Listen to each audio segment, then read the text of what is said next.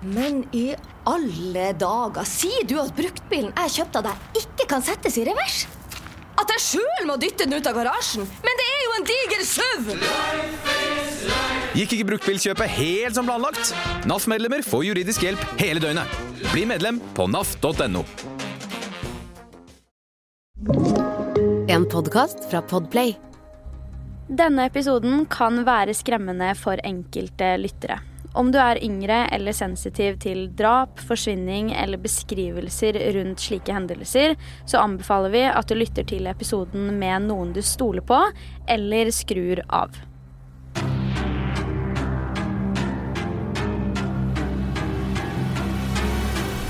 Hei og velkommen til en helt ny episode av Forsvinningsfredag podcast. I denne ukens episode skal jeg ta for meg saken om Jeffrey Epstein for det er jo noen ganger sånn i denne podkasten at vi tar opp saker som rett og slett bare omhandler kriminelle personer, og som ikke nødvendigvis trenger å involvere kidnapping, forsvinning eller drap. Jeg personlig syns jo at disse sakene er minst like interessante, for på mange måter så kan de gi oss et innblikk i hvordan ulike mennesker fungerer på forskjellige måter. Og så vet vi jo at mennesker kan gjøre helt forferdelige ting uten at de trenger å ha tatt livet av noen. Av den grunn ønsker jeg å dele saken om Jeffrey Epstein med deg i dag, spesielt tatt i betraktning all oppmerksomheten saken har fått i forbindelse med offentliggjøringen av Epstein-listen, som jeg kommer tilbake til senere i episoden. Før vi går inn i forhistorien her, så vil jeg også bare minne deg på å følge oss i våre sosiale kanaler, altså Instagram og TikTok. Der publiseres det nemlig en haug av ekstramateriale til episodene, og også litt selvstendig innhold som kan være interessant å få med seg. Nå la meg fortelle deg litt av bakhistorien til Jeffrey Epstein, og hvorfor han og denne saken er så kjent.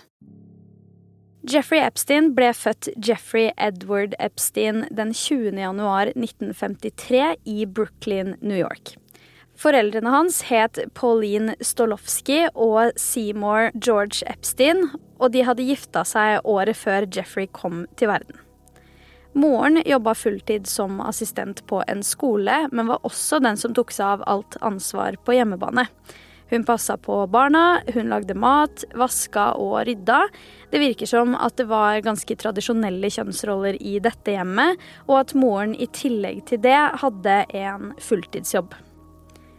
Faren jobba for det som het New York City Department of Parks and Recreation, hvor han jobba som hagevakt og gartner. Jeffrey vokste heller ikke opp alene. Han hadde nemlig også en lillebror ved navn Mark, som ble født i 1954. Så det er bare et knapt år mellom de to. Familien hadde jo en grei eller god økonomi, og barna vokste opp i det som het Seagate, et privat gated community i mangel av bedre ord, og hadde naboer som beskrev familien som de aller snilleste og veldig forsiktige, om ikke annet.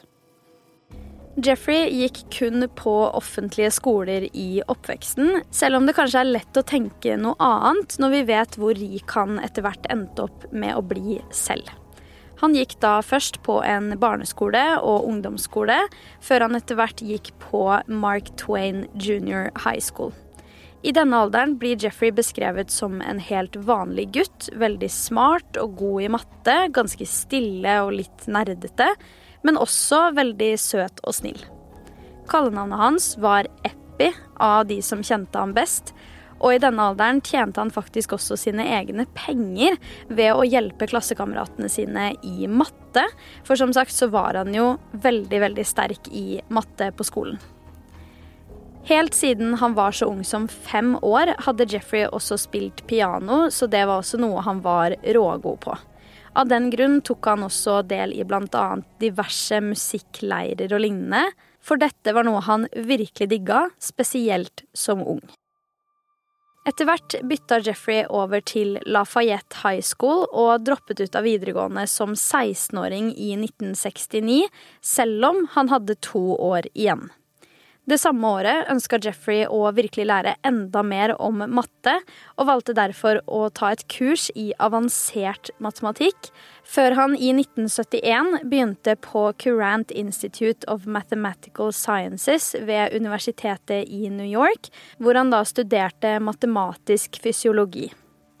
Her droppa han imidlertid også ut i 1974 uten at han hadde fullført graden sin. Det samme året bestemmer Jeffrey seg for at han ønsker å benytte mattekunnskapene sine til et eller annet, så nå tar han på seg en jobb som matte- og fysikklærer ved Dalton School, som er en veldig dyr privatskole i New York, til tross for at han ikke hadde noen utdanning. Som lærer ble Jeffrey beskrevet som en veldig karismatisk og gøyal type som hadde en helt unik måte å lære på, og gjerne snakka med elevene som at de var vennene hans i stedet for elever. Det er sikkert vel og bra det, men i tillegg så har flere av elevene hans på denne tiden forklart at han også kunne være litt upassende i sin tilnærming, og hadde faktisk til og med dukka opp på en fest som noen av elevene hadde. Disse upassende hendelsene skal angivelig nesten utelukkende ha vært mot kvinnelige elever, og enkelte hevder også å ha sett Jeffrey flørte med noen av jentene i klassen. Faktisk ble han også rapportert inn til skolen av en elev i klassen, nettopp pga. hvordan han oppførte seg upassende mot jentene. Etter hvert skjer på en måte et hell i uhell. Datteren til Alan Greenberg gikk nemlig i klassen til Jeffrey, som på tidspunktet var sjefen i Bear Stearns, nemlig et bank- og investeringsselskap. Det er fordi datteren gikk i klassen til Jeffrey at Jeffrey kommer i kontakt med Alan, og da Jeffrey i 1976 blir sparka fra lærerjobben for uanstendig oppførsel, så får han utrolig nok jobb i Bear Stearns gjennom Alan Greenberg. Til å begynne med får Jeffrey en lav stilling som assistent, men beveget seg raskt opp i gradene, jobba som det de kaller en opsjonshandler, før han etter hvert ble en slags rådgiver for selskapets rikeste kunder, og hjalp dem bl.a. med strategier for å kunne betale mindre skatt. I 1981, etter å ha jobba i Bear Stearns i fem år, ble Jeffrey bedt om å takke for seg i selskapet, da øverste leder mente at han hadde brutt retningslinjene for selskapet. Jeffrey jobber da ikke lenger i selskapet, men fortsetter likevel å være klient i selskapet frem til 2008, da finanskrisen kom og flere selskaper måtte slå seg konkurs, inkludert Bear Stearns. Dette gjorde han da på tross av alle andre karrierevalg han tok i årene før finanskrisa. Gjennom året 1981 bruker Jeffrey mye tid på å finne ut hva han ønsker å gjøre for å tjene penger. Tanken slår han om å starte sitt eget firma, og i august 1981 ble hans helt egne konsulentfirma født, nemlig Intercontinental Assets Group Incorporation. Dette selskapet skulle hjelpe kjente klienter med å få tilbake pengene sine etter uærlige meglere, advokater og lignende, men det kan virke som at jobben innebar mye mer enn bare det. Til familie og venner så hadde Jeffrey nemlig forklart jobben sin på litt forskjellige måter, så det er rimelig å anta at Jeffrey både hjalp folk med å få tilbake pengene sine, men kanskje også noen ting som skulle skje litt mer under bordet, kan du si.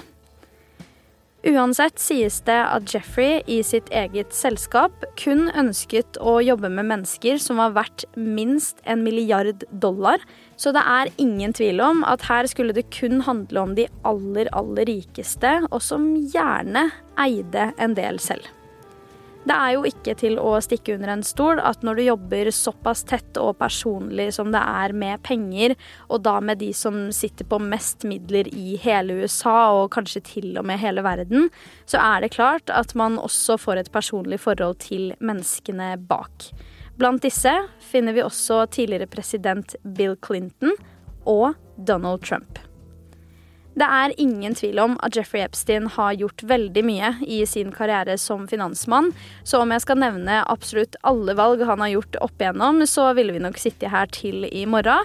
Men det er naturlig nok gjennom sitt eget firma at Jeffrey virkelig tar fatt på de store summene, og selv snur økonomien sin fra lærerlønn til å bli det Netflix omtaler som uanstendig rik.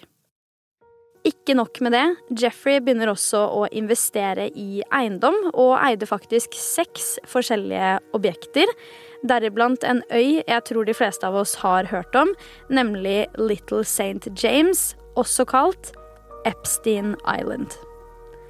Dette er da en privat øy lokalisert i Det karibiske hav, og som er en del av de amerikanske Jomfruøyene. Øya ligger heller ikke så altfor langt unna Puerto Rico-øya. I tillegg til dette eide Jeffrey også en svær mansion som ligger midt i hjertet av New York, rett ved siden av Central Park. Og denne eiendommen defineres som en av de største private eiendommene i hele Manhattan. Her skal også flere av påstandene Jeffrey fikk mot seg, ha funnet sted også, så jeg tenker at vi rett og slett kan begynne på nøyaktig hvorfor Jeffrey Epstein har vært i hardt vær, og hva som faktisk har skjedd. Her er det også viktig å få med seg hvilke romantiske relasjoner Jeffrey hadde i sin tid. Han blir nemlig beskrevet som en mann som elsket å være sosial, så det klarer vi jo faktisk å se ganske tydelig i at han hadde en del romantiske forhold til forskjellige kvinner opp igjennom. Det er likevel Ghislaine Maxwell som er kvinnen jeg tenker at vi i hovedsak må prate om her, nettopp fordi hun også hadde en rolle i det jeg vil omtale som et gigantisk spill. De to møttes i 1991, og allerede i 1992 begynte Maxwell å jobbe for Jeffrey Epstein. Rollen hun hadde i alt dette kaoset, er imidlertid en helt annen enn man kanskje hadde trodd. Mer om det litt senere. Vi må spole tiden frem til 2005, da Jeffrey Epstein for første gang er i hardt vær. Dette er året da en kvinne kontakter politiet i Palm Beach i Florida for å fortelle at hennes 14 år gamle stedatter hadde blitt tatt med til en eiendom Jeffrey hadde i nærheten, av en litt eldre jente. Da 14-åringen kom til adressen, hadde hun angivelig blitt betalt 300 dollar for å kle seg naken og deretter massere Jeffrey.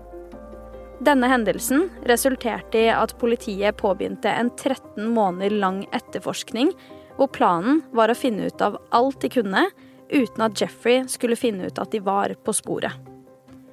Etter hvert skulle de også undersøke Jeffreys residens på Palm Beach, men en av de ledende politietterforskerne mente at jobben ikke ble gjort grundig eller godt nok, så han mente at FBI var nødt til å kobles på. FBI gjør herfra en helt strålende jobb som skal gjøre at politiet endelig får sett hvilken verden Jeffrey Epstein har operert i, og hvordan dette har vært helt skjult for omverdenen. Når politiet etter hvert får undersøkt Jeffreys residens, finner de dokumenter og lignende i søpla og andre steder som gjør at alderen på flere av ofrene kommer til overflaten. Mange av dem var under 18 den yngste 14 og majoriteten under 16. En assistent av Jeffrey på tidspunktet skal også ha fått i oppdrag av Jeffrey å kvitte seg med elektronisk utstyr som kunne avsløre hva som hadde skjedd der de siste årene, før politiet kom og skulle ransake boligen. Akkurat det forteller oss jo også at Jeffrey har en haug av flere detaljer når det kommer til hva som hadde skjedd med disse stakkars ofrene, og antageligvis også informasjon om ofrene i seg selv. Velkommen til Kjemperådet! Yes, Denne gangen har vi fått inn et kjempedilemma fra en familie. Ok. Jeg leser Hei, vi er litt uenige i familien her. Mm. Hvis du skulle vært et dyr, ville du hatt gjeller eller vinger? Oi, den er tricky. Ja, Hva ville dere hatt, da? Altså, jeg vet ikke, men Med familierabatt får de ubegrenset data fra Telenor fra 399 kroner. Da kan de jo scrolle seg til svaret, rett og slett. Ja, ok, Men for min del Ja. gjeller. Nei, nei. Nei. nei, vinger. Nei, nei, gjeller. Ja, okay, ja, Kjempebra. Men eh, se nye mobilabonnement på telenor.no, da. Jeffrey Epstein skal visstnok også ha installert skjulte kameraer flere steder på sine eiendommer, inne i husene og lignende, som ingen skulle vite om, med mindre innholdet skulle bli brukt til utpressing av uskyldige ofre. Det finnes nemlig flere opptak som viser seksuell aktivitet med mindreårige jenter, og Ghislaine Maxwell skal angivelig også ha fortalt en venninne at Jeffreys private øy var dekket av videokameraer overalt, og vennen skal da ha antatt at Ghislaine og Jeffrey hadde montert dette som et slags sikkerhetsnett. I etterforskningen av Jeffrey Epstein gikk politiet også gjennom alle hans eiendommer. På flere av dem, inkludert øya, huset hans i New York og en annen eiendom, ble det funnet skjulte kameraer som definitivt bygger opp under påstandene om videoopptak. En kvinne ved navn Mariah Farmer jobbet også med Jeffrey Epstein i 1996, og hun kunne fortelle om et skjult rom i Jeffreys hus på hans private øy. Dette var et rom som ingen som ikke visste om det, ville klare å finne, og inne i dette rommet var det en haug av skjermer som viste hva som ble tatt opp med de skjulte kameraene. Mariah skal ha uttalt at hun en gang ble vist dette rommet, og at alt hun så på skjermene, var badene, toalettene og sengene. Hun mente det var helt åpenbart at kameraene skulle fange opp private øyeblikk som ikke egentlig var for noen å se.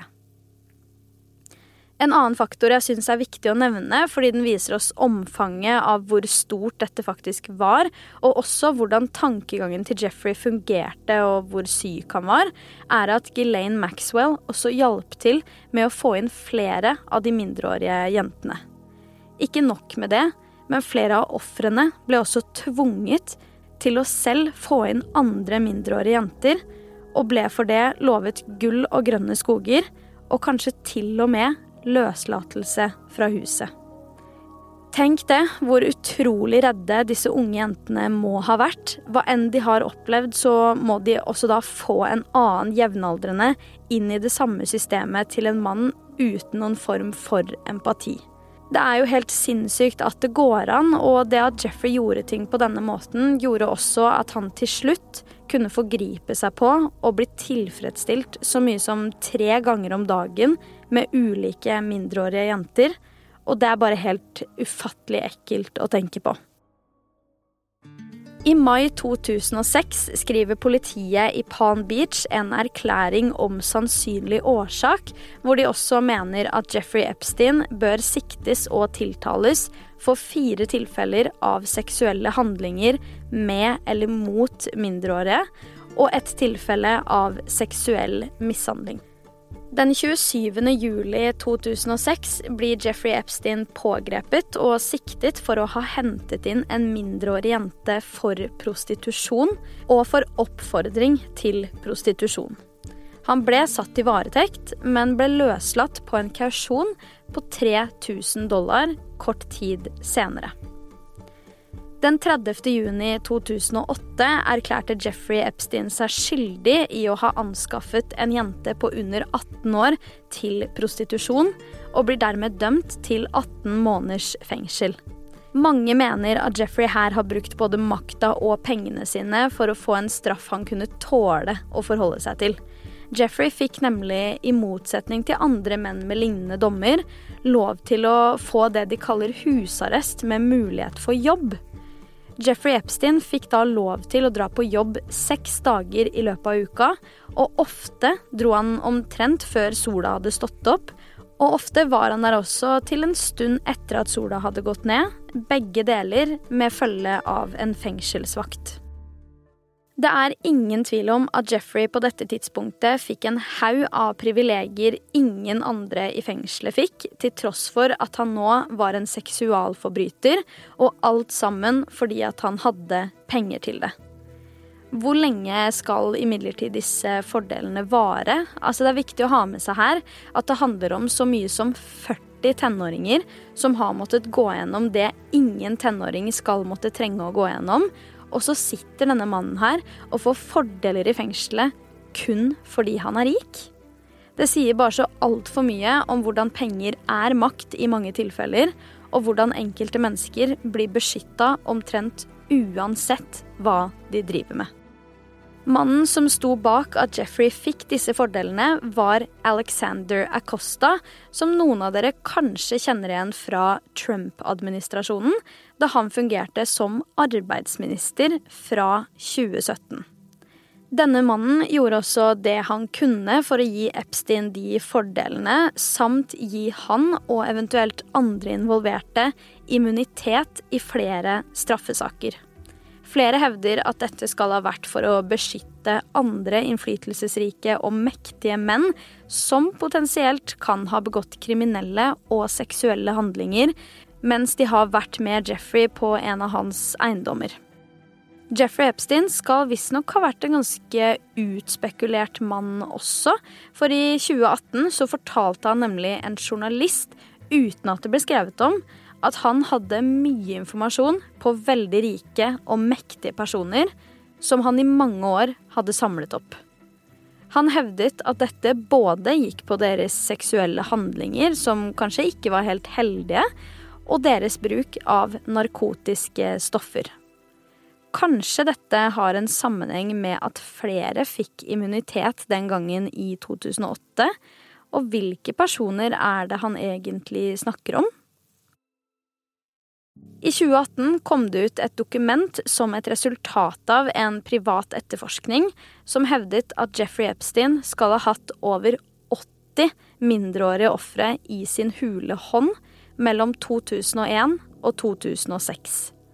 Dette gjorde at Jeffrey på nytt, etter å ha sona den korte dommen sin tidligere, ble satt i FBIs søkelys nok en gang, og denne gangen med et mye større alvor enn tidligere. Den 6. juli 2019 ble Jeffrey Epstein pågrepet, og allerede to dager senere ble han tiltalt for menneskehandel av mindreårige.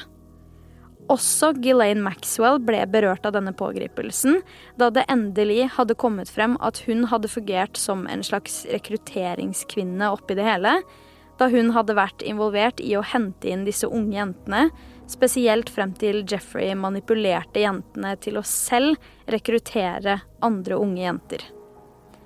Jeffrey selv velger å nekte straffskyld for alle anklager mot seg, men retten tror han ikke, da de sitter på en haug av bevis som sier det motsatte. Rettssaken mot Jeffrey Epstein ble satt til å skje i juni 2020, og denne gangen blir ikke bare saken tatt på alvor, men Jeffrey blir nå virkelig satt opp i et hjørne med alle bevis og lignende, som gjør at han rett og slett ikke kan gjøre noe mer. I et desperat forsøk på å redde sitt eget skinn tilbyr Jeffrey seg å betale 100 millioner dollar for å i stedet for fengselsstraff kunne få husarrest slik at han måtte være innenfor sitt eget hjem med vakter utenfor, som han mente at han kunne betale for. Nå vet ikke jeg med deg, men for meg så høres dette ut som at det bare hadde lagt opp til at han skulle få gå fritt og få holde på akkurat som han hadde gjort hittil. Jeg tror på ingen måte at det hadde fungert i praksis at en kriminell mann som skulle hatt fengselsstraff, heller hadde betalt vakter for å passe på at han ikke skulle gjort noe galt. Det virker jo bare krampaktig og som at han kun ønsket å komme seg ut av situasjonen og slippe fengselsstraffen. Retten kjøper heller ikke forslaget, og dommeren har uttalt følgende. Myndighetene har etablert en fare for andre og for samfunnet med klare og tydelige bevis. Jeg betviler at en hvilken som helst forhandling eller sum kan overgå sikkerheten i samfunnet. Jeffrey ble da nektet å få kausjon uansett sum, og ble sendt direkte tilbake til fengselet, hvor han satt i varetekt. Som sagt så skulle jo ikke rettssaken skje før i juni 2020, så det neste som skjer, har fått mange til å reagere. Den 10. august 2019 blir nemlig Jeffrey Epstein, som da var 66 år gammel, funnet død i cella si i fengselet. Dette dødsfallet var det også en haug av ulike meninger og tanker rundt. Og la oss bare si det sånn, folk har vært sterkt uenige i hva som egentlig skjedde på cella den gangen. Det skal sies at den offisielle dødsårsaken ble skrevet som selvmord ved henging, til tross for at det er vanskelig å si noe om hvor nøyaktig dette egentlig er. Flere har reagert på og blitt sinte over dødsfallet til Epstein, nettopp fordi at han slapp unna og ikke egentlig fikk straffen de mener at han fortjente. Ikke engang fikk familiene eller ofrene den avslutningen de ønsket og trengte, men de må også leve med skadene som Jeffrey Epstein påførte dem gjennom alle disse årene. Ghislaine Maxwell er jo også en deltakende part i hele denne historien, og hun ble faktisk dømt til 20 års fengsel for sin involvering, og ble da dømt for menneskehandel og for å lure mindreårige inn i huset til mannen som skulle forgripe seg på dem.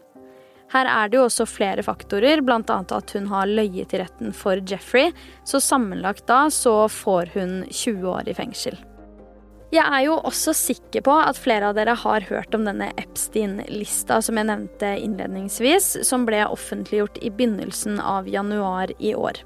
Dette er jo da en lang liste med navn som på en eller annen måte har en tilknytning til Jeffrey Epstein og hans fester, som han ofte hadde på sine eiendommer. I utgangspunktet så var jo disse navnene anonyme, men nå som en domstol i New York har valgt å offentliggjøre lista, så får vi også se de faktiske navnene. Og la meg bare si det. Her er det mange kjente og innflytelsesrike navn som jeg vil tro at noen av oss blir veldig sjokkert over. Akkurat dette med Epstein-listen har jeg snakka mer om på TikTok-profilen vår, så om du vil høre mer om det og annet ekstramateriale, så vil jeg anbefale deg å følge oss der.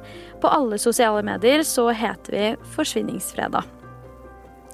Som alltid så er jeg veldig interessert i å høre hva du tenker om Jeffrey Epstein-saken.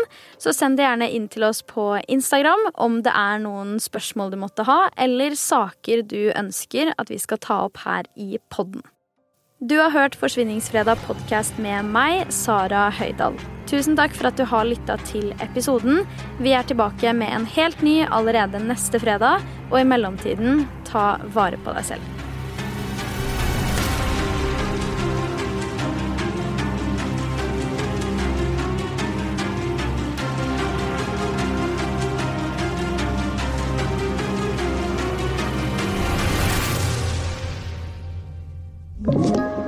Du har hørt en podkast fra Podplay. En enklere måte å høre podkast på. Last ned appen Podplay eller se podplay.no.